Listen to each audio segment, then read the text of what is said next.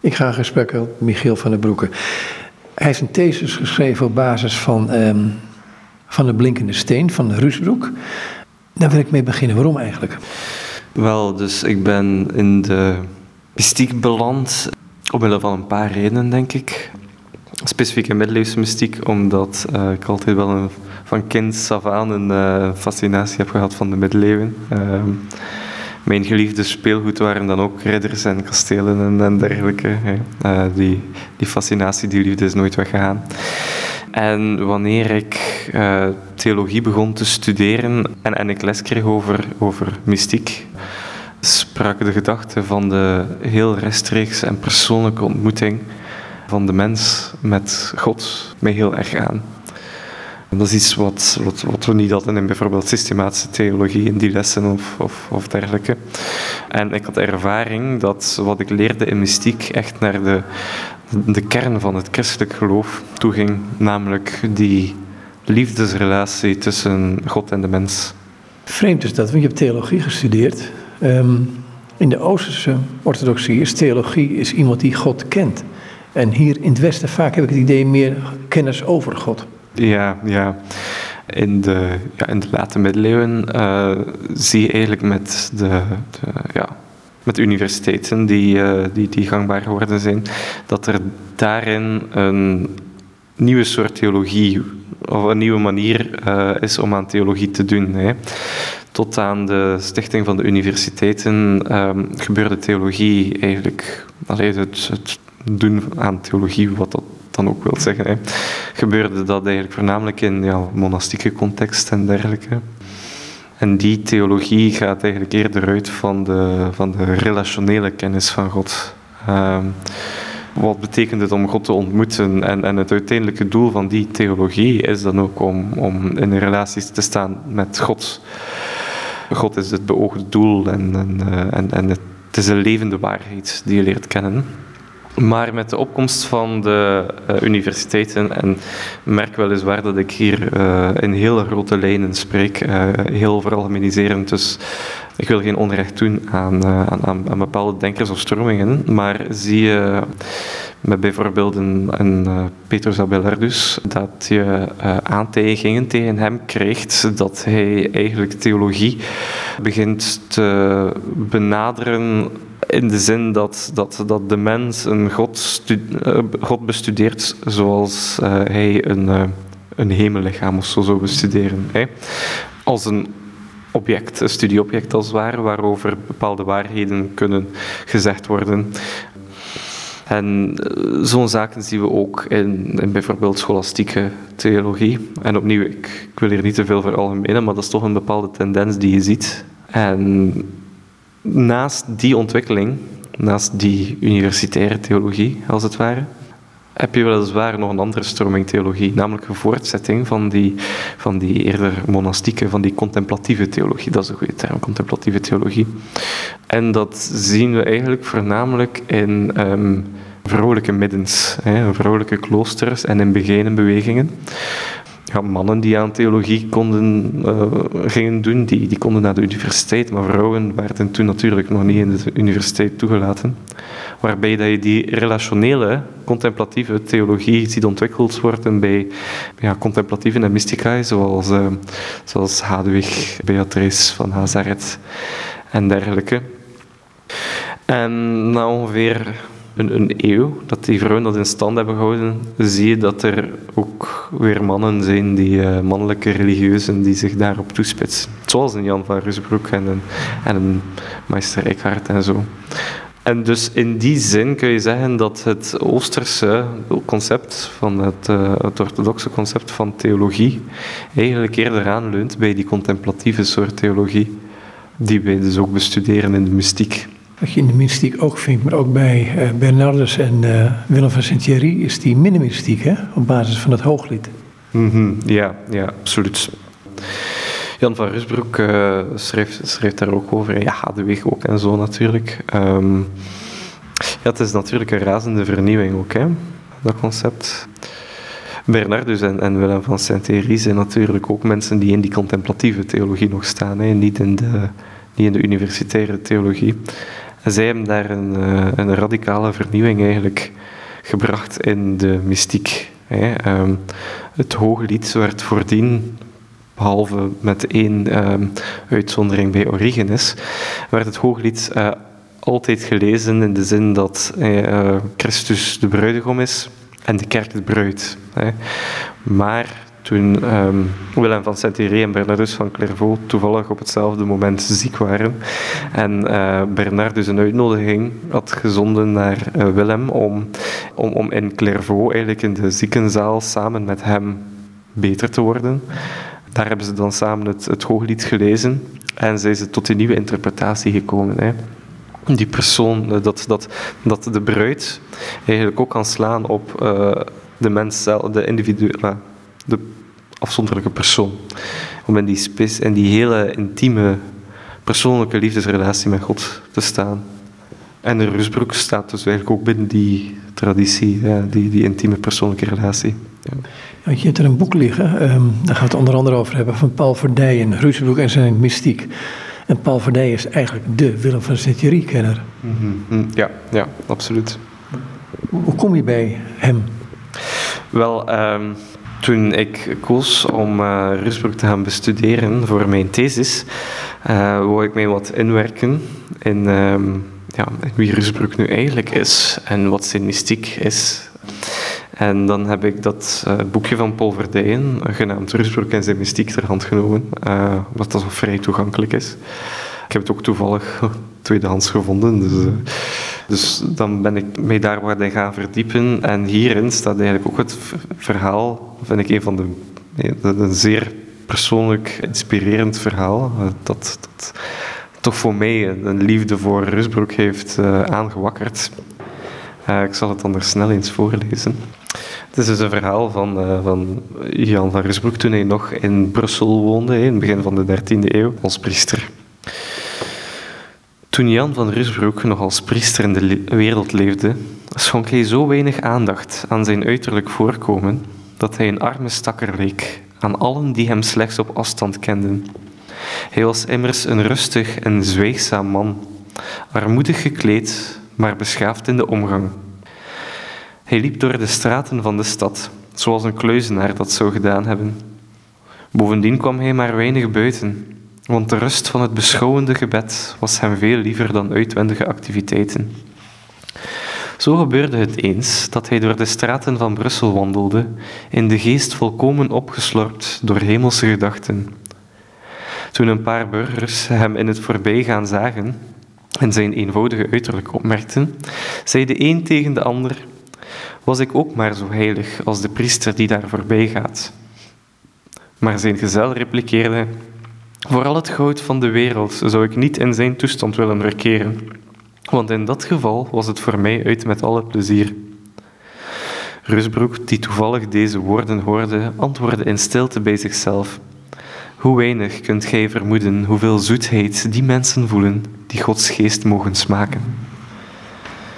En dat vond ik zo'n uh, zo, zo, zo pakkend, zo'n pakkende repliek, zo'n pakkend verhaal. Uh, dat ik, dat ik met veel liefde in zijn, zijn mystieke geschriften ben gedoken.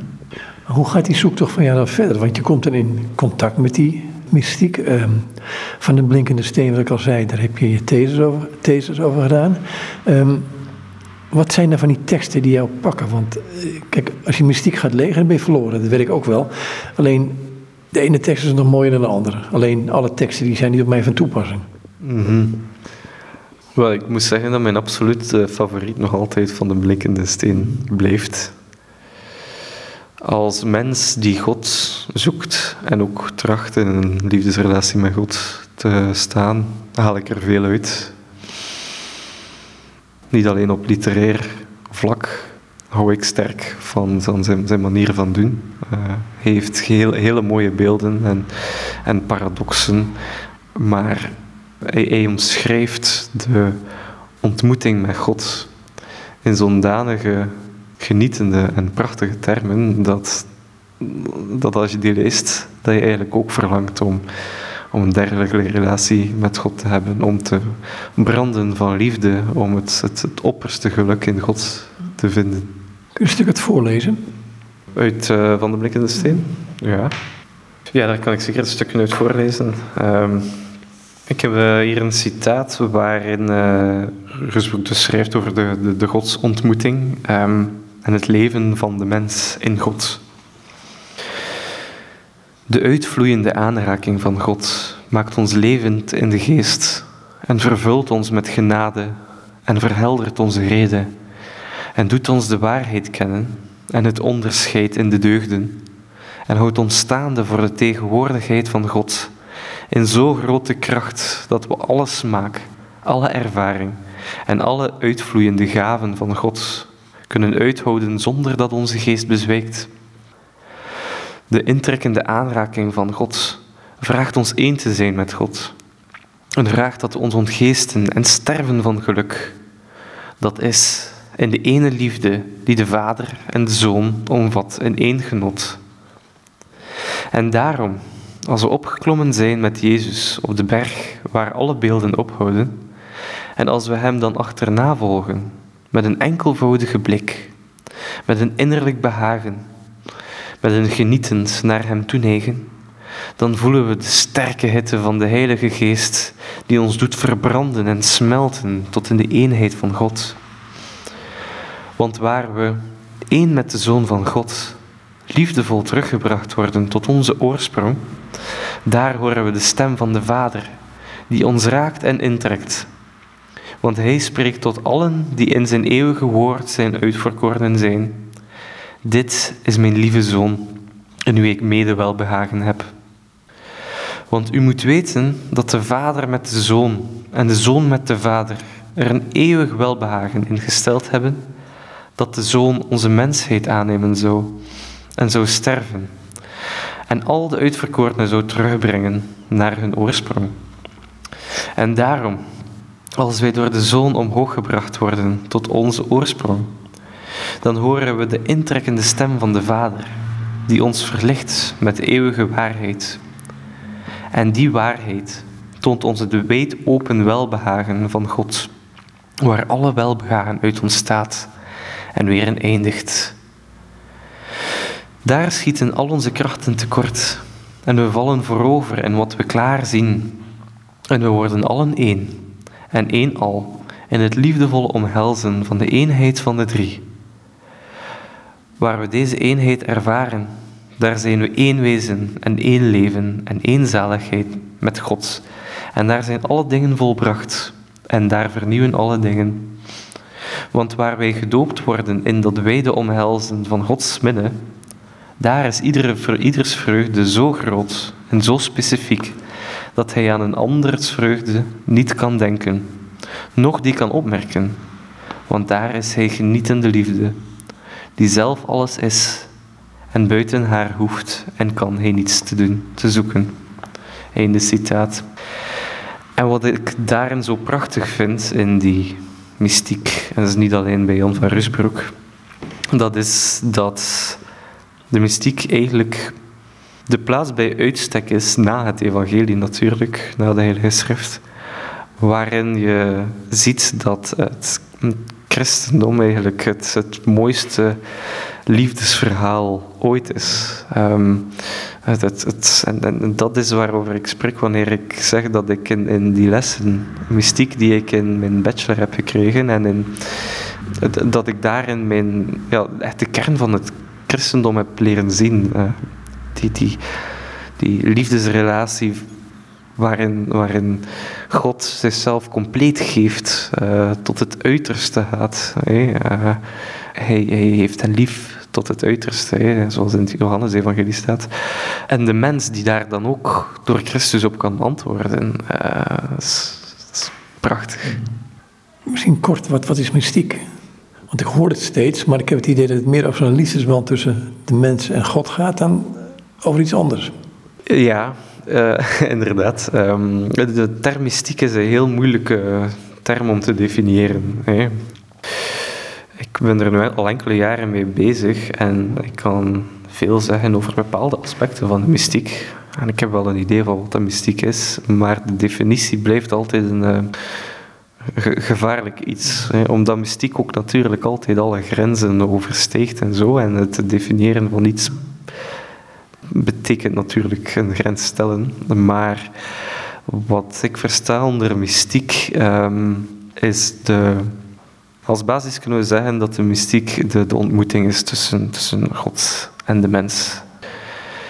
Dat is voornamelijk een liefdesrelatie natuurlijk, maar dat kan natuurlijk ook breder gaan. Ehm, als absoluut minimum kunnen we wel zeggen van mystiek dat het gaat om die ontmoeting. En dat gebeurt dan ook stevast doorheen de genade van God. Eh, dat is ook iets wat je steeds tegenkomt in, die, eh, in de schriften van de mystici, dat het altijd God is die die ontmoeting initieert en die die ontmoeting ja, tot stand brengt. Ehm, de mens kan wel verlangen naar God, uh, kan wel kan, kan zich oefenen om, die, om ontvankelijk te zijn voor die relatie. En de menselijke ontvankelijkheid is natuurlijk ook ja, van wezenlijk belang voor die mystiek. Zonder menselijke ontvankelijkheid kan de mens misschien wel God horen, maar gaat hij nooit beseffen of willen uh, erkennen dat het, dat, dat het gaat om Gods ontmoeting. Dat is dus de goddelijke genade die, die ervoor zorgt dat dat mogelijk is. Die ontmoeting tussen mens en God blijkt ook wel een, echt een, uh, een constituent, een, een, een, belangrijke hoeksteen te zijn van die mystiek. Hoe word je ontvankelijk van God? Dat is denk ik voor veel mystieken ongeveer hetzelfde, maar ook helemaal anders. Ik kan voornamelijk zeggen wat Jan van Rusbroek daarover te zeggen heeft. Volgens Jan van Rusbroek komt het neer op, een, um, op het, het worden van een, een goede gelovige mens. Dat is basis. Hè. En dat houdt in dat je een zuiver geweten hebt, dat je gehoorzaam bent aan God, de kerk en aan het eigen onderscheidingsvermogen, en dat je fundamenteel God beoogt in alles wat je doet. En wanneer je dat doet, kan je dus volgens Jan van Rusbroek in, in een wederkerige liefdesrelatie gaan staan. Hè. Dan, dan schenk je jezelf helemaal aan God, zoals God zichzelf ook aan jou schenkt. Nu, of een mens daarna dan ook nog mystieke ervaringen kan hebben um, en een mystieke relatie met God kan hebben, dat hangt helemaal af van, van opnieuw de genade Gods um, en van dus jouw persoonlijkheid en capaciteiten. Er zijn heel veel goede christelijke mensen, het grootste deel van de geloven goede mensen veronderstellen, die altijd in de liefde Gods gaan leven en, en gered zijn. En uh, ja, die liefdesrelatie met, met God beleven, maar die geen mystieke ervaringen zullen, zullen ontvangen. Die rechtstreekse ervaring komt enkel maar wanneer, wanneer God de eerste stap zet, als het ware. Maar hij zet altijd de eerste stap, toch? Ja, absoluut. Ja. Maar het is dus niet aan ons mensen om die stap te bepalen. Maar wel als respons. Eh, er wordt opgeroepen tot bekering in het evangelie en dat lijkt toch duidelijk. En we zijn dan geroepen tot gemeenschap met Christus, zegt Paulus. Ja, absoluut. Maar het in gemeenschap uh, staan met Christus houdt niet per se mystieke ervaringen. Er zullen veel heiligen zijn en uh, veel, veel goede, goede mensen die, die inderdaad in gemeenschap met Christus staan. En die, die het goede doen en die dan ook uiteindelijk het koninkrijk der hemelen zullen kunnen betreden. Maar die niet op aarde hier het nu die rechtstreekse ervaring van God meemaken. En het is ook niet omdat je uiteindelijk die ervaring hebt gehad en dan vanuit die, die rijke smaak van, van, van, uh, ja, van het kunnen proeven van, van Gods rijkheid. Het is niet omdat je dat ooit hebt meegemaakt dat je dat constant zal meemaken. Of dat je dat überhaupt nog eens zal meemaken. Het beroemde voorbeeld daarvan is, um, is van moeder Teresa.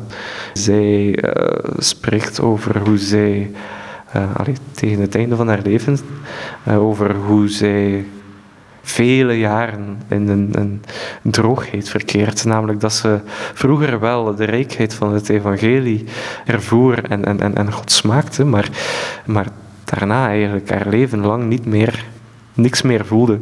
Maar zij leefde ook in gemeenschap met Christus en zij bleef, uh, bleef Gods werk doen op aarde. En daaraan zie je wel dat het, dat, dat het verkeren in, in gemeenschap eigenlijk een kwestie van, van het zijn is. Dat is die, die houding, hè? Die, het, het volledig geven van het zelf aan, aan, aan God. Maar die mystieke die mystiek is eerder een kwestie van, van de ervaring dan wanneer we spreken over mystieke ervaring dat is. Hè. Dus de twee overlappen elkaar niet. Gemeenschap met Christus is iets anders dan een mystieke ervaring hebben. Maar die gemeenschap met Christus kan ook gevoelsmatig zijn. Jazeker, jazeker. En dan ervaar je ook iets. Dan ervaar je ook iets. Dan ervaar je, dan ervaar je niet per se uh, rechtstreeks God. Je kan, je kan je heel gelukkig voelen door, door je christelijk geloof. En dat is een geweldig gevoel. Maar uh, mystieke ervaringen ja, zijn iets heel speciaals. Ze worden mystiek genoemd voor een reden. ja, is, dat, is dat op die manier al uh, vertheologiseerd, op deze wijze? Eh, in welke zin? Nou ja, dat je, dat je het zo neerzet dat het eigenlijk onbereikbaar voor ons wordt. Terwijl ik denk van ja, is dat helemaal zo? Of kan er een verlangen zijn? Kan er een... Kijk, dat, dat God het initiatief neemt, prima. Dat uh, wij God niet uh, in onze broekzak hebben, snap ik ook nog wel. Mm -hmm. Maar als je in gemeenschap met iemand leeft, dan weet je of het draait goed dat die ander er is. Dan is er een wederkerigheid ook. Mm -hmm. Ja, ja, absoluut. En de wederkerigheid in de relatie is opnieuw een kwestie van, van het zijn. Hè, van dat in de gemeenschap staan en in de liefdesrelatie met God staan. Maar de ervaring is dan opnieuw iets anders. Een andere kwestie. Um, want zo vertelde Rusbroek ook over, over groepen van mensen die dus ja, in die wederkerige liefde staan met God, maar die mystieke ervaring van die absolute grondeloze, ja, het, het verkeren van, van het zelf in, in die, die grondeloze mystiek en zo, die dat niet ervaren. Nu, het is ook, mystieke ervaring is ook iets wat je volgens Rusbroek uh, bijvoorbeeld niet kunt aanleren. Hè. En je zegt het ook in Van de Blinkende Steen. Het, het, is iets wat men moet ervaren en dan pas kan men achteraf reflecteren en denken van oké, kijk, dit is het. Het is niet onbereikbaar, want er zijn er, zijn er velen die, die ons hebben voorgegaan en een aantal van hen heeft het, hebben die ervaring ook op schrift gesteld, hè, de mystici. Het blijft een ideaal om naar te streven. Um, en als je er naar streeft, zullen sommige mensen het, kunnen meemaken. En anderen dat weer niet, maar dat hangt opnieuw af van het goddelijk initiatief. Je hebt het over intimiteit gehad. Um, in die liefdesband met God, um, liefdesband met Christus. Als ik hier Augustinus bijhaal van hij is dichter bij onszelf dan wij onszelf kennen, uh, zit, ik dan, zit ik dan op het gebied van de intimiteit van Rusbroek? Ja en nee. Rusbroek zou inderdaad beamen wat, wat, Augustinus daar zegt. Hè. Um, als we kijken naar Rusbroeks mensbeeld, um, dan zien we dat hij eigenlijk werkt met, um, als het ware, lagen of, of niveaus. Hij zelf noemt het eenheden. Van de mens van meer uitwendig naar meer inwendig. En op het buitenste niveau hebben we het niveau waar zich de, uh, dat is de eenheid van het hart, um, waar zich de, de menselijke zintuigen en zo manifesteren en uh, vermogens van de lagere orde, zoals uh, begeervermogen en toornvermogen en allerlei van die zaken. Um, en dan heb je meer inwendige niveaus. Dan heb je bijvoorbeeld het niveau van de, van de hogere vermogens, waar we de memoria, de voluntas en de intellectus vinden. Uh, het geheugen, de wil en, en het intellect. Eh. Maar helemaal van binnen in de mens, in het meest innerlijke niveau van de mens, heb je het wezen, zoals Rusboek dat noemt. Um, en het wezen, dat is eigenlijk het loutere feit dat wij bestaan. Dus het menselijke zijn. En dat wordt voor Rusbroek altijd ondersteund door, door, door God. Uh, het menselijke zijn voort uit, uit, uit God die constant uit liefde de mens schept. En, en, en in die zin is uh, God bij elke mens die bestaat, of die nu gelovig is of niet, is hij altijd het meest innerlijke uh, van de mens. En staat hij altijd het dichtst bij, ja, bij het innerlijk, bij het zijn van de mens, zelfs dichter dan de meeste mensen beseffen of kunnen beseffen. Dus dat is al een, een heel grote intimiteit die God met, met alle mensen en bij uitbreiding de hele schepping heeft. Maar dat is op zich een, een eenzijdige intimiteit. Aangezien God dan in een liefdesrelatie met de mens keert die, die eenzijdig is. God schenkt zichzelf compleet aan de mens. En, en de mens vindt daarin zijn bestaan, maar dat wil nog niet zeggen dat de mens dan ook zichzelf compleet geeft aan God. in een wederkerige liefdesrelatie.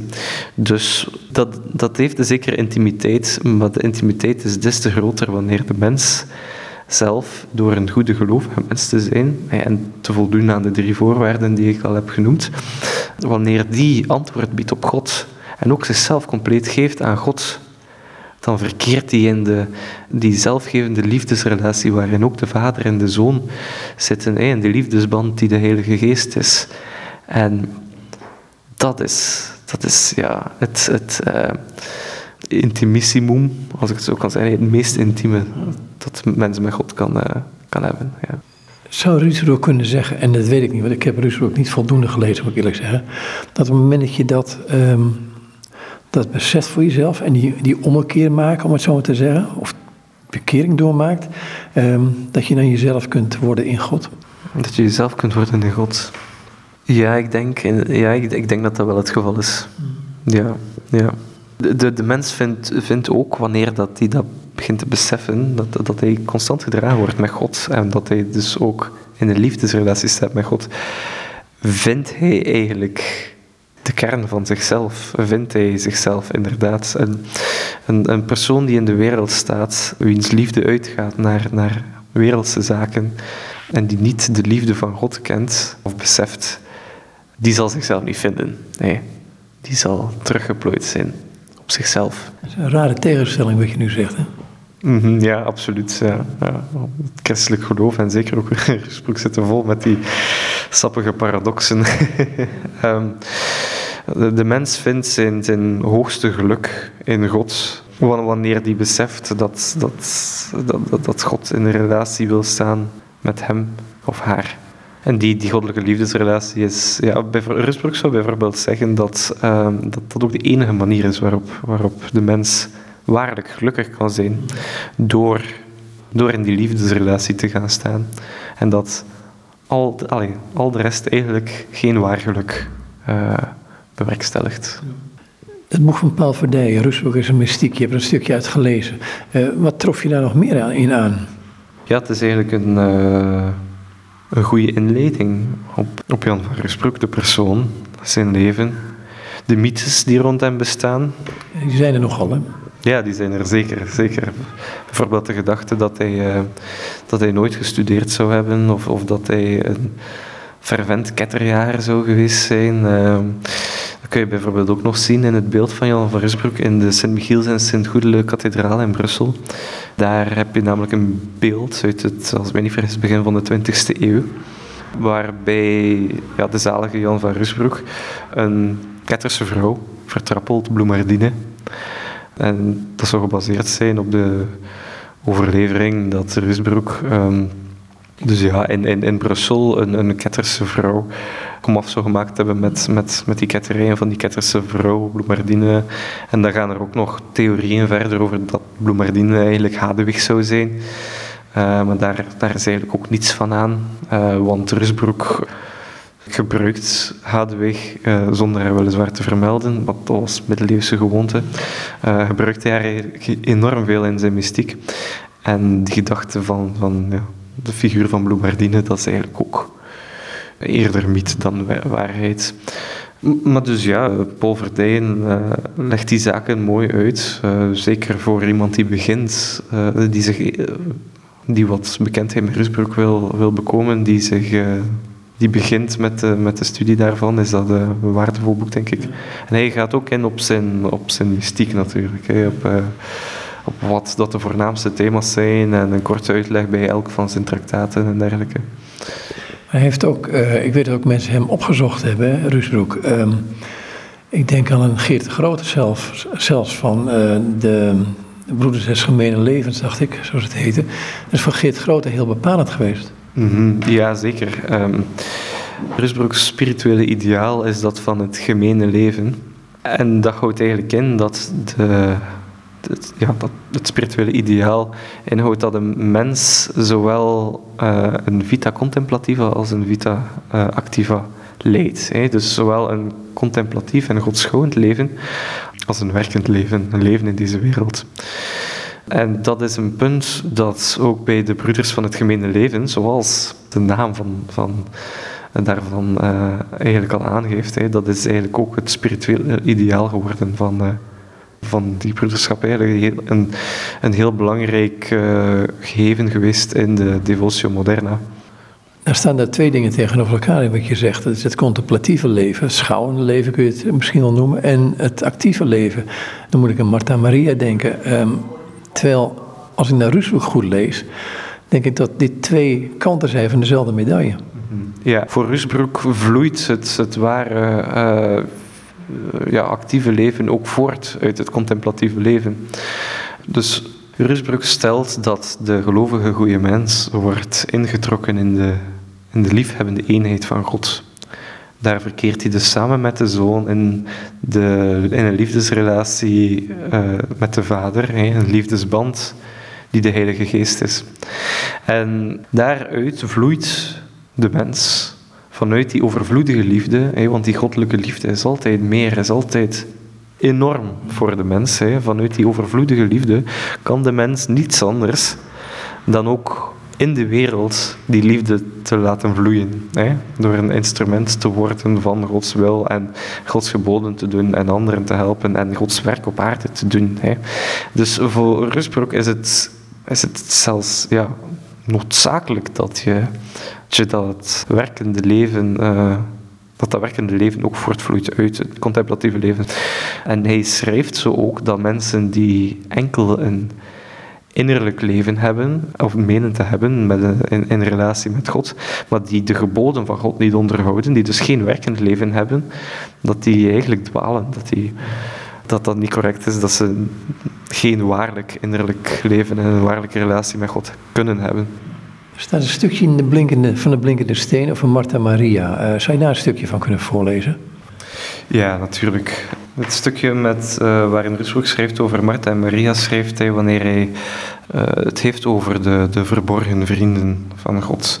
En daarin uh, maakt hij duidelijk, onder andere, dat, dat, dat, dat zij dus ook een, een ja, werkend leven hebben. En haalt hij het verhaal van Martha en Maria aan om de waarde van het innerlijke leven en innerlijke gehechtheid van God um, aan God uh, aan te tonen hè, uh, en te behoeden van criticasters. Dus hij schreef: Niemand nu kan zich toeleggen op de oefeningen van het inwendige leven, noch dit in zich ervaren, als hij niet geheel en al tot God is ingekeerd. Want zolang de mens in zijn hart verdeeld is, blijft hij naar buiten gekeerd en ongestadig in zijn gemoed, en wordt hij ook licht bewogen door lief en leed in tijdelijke dingen, want die leven nog in hem. En al komt hij de geboden Gods na, toch blijft hij nog steeds van binnen onverlicht en ongeleerd, want hij beseft niet wat inwendige leven is, nog hoe men het moet beoefenen. Als hij maar weet en voelt dat hij het goed meent met God en Gods liefste wil in al zijn werken begeert te volbrengen, dan is hij al tevreden, want hij is zich bewust oprecht te zijn in zijn dienst. En om deze twee punten schept hij behagen in zichzelf en dunkt het hem dat uitwendig werken met zuivere mening verricht heiliger en nuttiger zijn dan inwendige gebedsoefeningen. Want hij heeft het met Gods hulp en op het uitwendige afgestemde levenswijze verkozen. En dit is de reden waarom hij meer aandacht en overleg besteedt aan uitwendige werken dan aan hem, om wie hij met ingeleven werkt. En dat zijn geest meer bezig is met de werken die hij doet dan met God, om wie hij ze doet. Wegens die verbeeldheid in zijn werken blijft hij dan ook een uitwendig mens en is hij niet in staat Gods raad op te volgen. Zijn werkzaamheid is immers meer uitwendig dan inwendig, meer zinnelijk dan geestelijk. En als hij een getrouwe dienaar Gods in uitwendige dienst, wat de verborgen vrienden, de vertrouwde vrienden Gods ervaren, dat blijft hem verborgen. Dat soort grove uitkerige mensen oordelen en beknibbelen vaak de ingekeerde. Hun dunkt dat die werkloos zijn. Dat was ook de reden waarom Martha bij onze Heer klaagde over haar zuster Maria, dat deze haar niet hielp dienen. Zij dacht dat zij zich zeer verdienstelijk maakte en dat haar zuster daar maar werkloos voor niet bij zat. Maar onze Heer sprak over beide zijn mening en oordeel uit. Hij berispte Maria, niet om haar dienst, want die was goed en nuttig, maar hij berispte ze om haar bekommerdheid en omdat ze bedrukt en bedroefd was door de beslommeringen van haar uitwendige werk. En Maria prees hij om haar inwendige bezigheid en zei dat één ding nodig was en dat zij het beste deel had verkozen, dat haar niet ontnomen zou worden. Dat ene ding, voor alle mensen noodzakelijk, is de goddelijke minne. Dat beste deel is het inwendige leven, met minnelijk aanhangen aan God. Dat had Maria Magdalena verkozen, en dat verkiezen nog de vertrouwde vrienden van de Heer. Maar Martha verkoos een eenvoudig, uitwendig werkend leven. Het is het andere deel waar men God in dient, dat niet zo volkomen nog zo goed is. En dat deel verkiezen ook nu nog de trouwe dienaren om de liefde van God. Nu vindt men echter van de, die dwaze mensen, die zo innig en zo ledig beweren te zijn, dat zij niet willen werken, nog een evenmens in nood bijstaan. Zulke mensen zijn nog vertrouwelingen, nog getrouwe dienaren van onze Heer. Maar zij zijn totaal mis en bedrogen. Want niemand kan Gods raad involgen als hij niet eerst Gods gebod wil onderhouden. Daarom dan ook zijn de vertrouwde vrienden van onze Heer, waar het erop aankomt, tevens getrouwe dienaren. Maar alle getrouwe dienaren zijn daarom nog geen vertrouwde vrienden, want de oefening die daartoe behoort blijft hun onbekend. Daarmee hebt gij het verschil tussen vertrouwde vrienden en getrouwe dienaren van onze Heer. Einde citaat. Hij zet het hier wel heel duidelijk neer. Ja, ja, absoluut. absoluut. En uh, in het begin van het citaat hoor je misschien ook wel harde taal tegenover de, uh, de trouwe dienaren, maar dat is voornamelijk vanuit de, de gedachte dat het inwendige leven wel degelijk heel veel waarde heeft. Hè. In een latere passage schreef Rusbroek wel degelijk heel positief ook over die trouwe dienaren. Ze zijn echter nog niet zo ontwikkeld in hun, ja, in hun dienst aan God, in hun geloof. Want hij schreef dan bijvoorbeeld over um, die dienaren ook nog um, het volgende. Nochtans moet je weten dat alle gelovige goede mensen de zonen van God zijn. Want ze worden allemaal uit de geest van God geboren. En de geest van God leeft in hen. En hij beweegt en drijft ieder in het bijzonder over, overeenkomstig zijn capaciteit tot deugden en goede werken, waarin hij welgevallig is aan God. Maar omwille van de ongelijkheid van hun toekeer en hun beoefening noem ik sommige mensen trouwe dienaars en sommige noem ik verborgen vrienden en sommige geborgen zonen. Nochtans zijn ze allemaal dienaars, vrienden en zonen, want ze dienen en beminnen en beogen allen één God, en ze leven en werken allen uit de vrije geest van God. dus hij noemt hen andere namen omwille van het feit dat sommigen meer uitwendig zijn, anderen dan die innerlijke toekeer hebben en zo. Maar finaal zijn al die gelovige goede mensen de zoon van God en verkeren ze allemaal in die liefdesrelatie met de Vader. Is het voor um, Rusbroek, hè, als je hem bestudeert, is het voor Rusbroek belangrijk om um, dat de mens beseft hoe God over hem denkt? Ik denk ja en nee. Het, is sowieso in de opgang naar het spirituele ideaal is het een belangrijk iets. En ik, ik denk dat het eigenlijk pas de geborgen zoon die God dus rechtstreeks ervaart, uh, echt ook ervaart hoe God naar de mens kijkt. Namelijk van die, die volledige gave in liefde en, en het verlangen dat de mens zij ook volledig geeft in liefde aan God.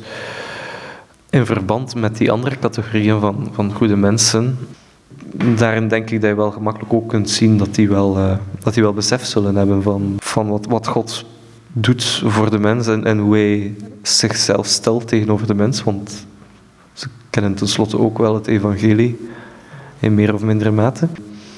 Maar dat echte besef van die, van, van die heel persoonlijke liefdesrelatie is iets wat denk ik volgens Rusbroek voornamelijk komt door die ervaring, van, eh, die, die rechtstreeks ervaring van God. Goed, hij gaat a priori uit van een relatie. En een relatie is dan wederkerig, neem ik aan.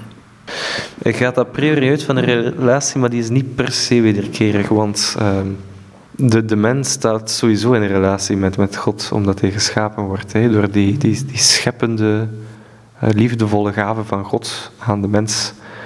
En er zijn mensen die nog nooit van het christendom hebben gehoord, van Christus en van God hebben gehoord, die wel degelijk ook daarin hun, hun ontstaan vinden en die dus ook in die zin uh, in relatie staan met God. Alleen is dat een eenzijdige relatie uh, en is die dus niet wederkerig. De wederkerigheid komt dus binnen uh, wanneer de mens positief antwoordt op dat liefdesaanbod. Maar opnieuw, er zijn dus mensen die nog nooit van Christus hebben gehoord en die nieuw weten dat er, dat er een liefdesaanbod is. Hè. Wat hoop je nog te gaan doen in de komende tijd? Wel, dus momenteel hoop ik mijn uh, doctoraat met vrucht te kunnen afwerken. Uh, daar zal ik mij nog een paar jaar mee bezighouden. Daarin uh, doe ik onderzoek naar, de, naar studierelaties in het klooster van Grunendaal. We zitten daar namelijk in de 14e eeuw in het klooster van Runendaal met een unicum in de geschiedenis van de christelijke spiritualiteit. We hebben namelijk vier mystici, vier schrijvers die ehm, allen in de volkstaal uh, mystieke literatuur produceren. En zo'n gemeenschap van, van mystici is eigenlijk ehm, onbestaande naast dit voorbeeld. Een dergelijke middeleeuwse gemeenschap van mystici. Dus in mijn doctoraatsonderzoek uh, onderzoek ik eigenlijk voornamelijk of Jan van Rusbroek, die toch vaak wordt voorgesteld als de grote leraar, die dan ook zijn mystiek heeft doorgegeven als leraar aan, uh, aan Jan van Leeuwen, aan Willem Jordaans en aan Godfried Wevel. Of dat beeld eigenlijk klopt, want dat is eigenlijk een aanname die niet gebaseerd is op wetenschappelijk onderzoek. De andere optie is dat zij een soort van onderlinge schrijversgemeenschap vormden eh, op een meer horizontaal niveau, eh, waarin ze elk vertrekken vanuit hun mystiek en dan misschien wel onderling met elkaar uitwisselen over die mystiek, maar waarbij waarbij er finaal geen meester-leraar-relatie is. En dat onderzoek ik op basis van de casus van, van vergoddelijking. Wat zegt elk van deze vier auteurs over vergoddelijking en hoe verhouden de thematieken binnen die vergoddelijking, binnen de verschillende auteurs zich tot elkaar? Wat is vergoddelijking?